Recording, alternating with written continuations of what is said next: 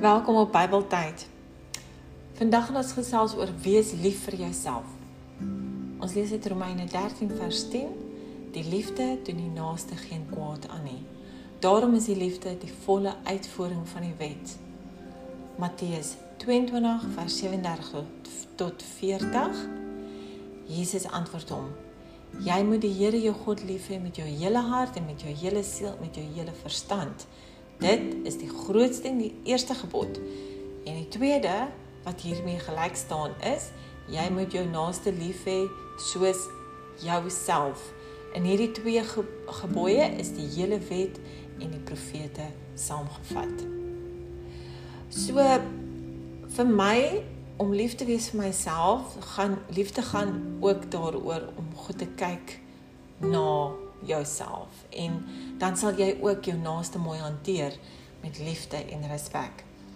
Wanneer ons nie onsself respekteer en omsien na ons liggame nie, dan kan ons nie ander ten volle lief hê nie. Ons kan nie. Hoe kyk jy na jouself? Leef jy gesond en oefen jy? kraak jy jouself af deur negatiewe denke oor jou liggaam? Negatiewe denke oor jouself in die algemeen? Begin vandag om beter te leef. Respekteer die liggaam wat God aan jou gegee het. Onthou dat mense altyd rondom jou gaan wees. Jy gaan altyd omsingel wees met mense en jy gaan altyd met jouself moet saamleef. Jy kan nie jouself verlaat nie.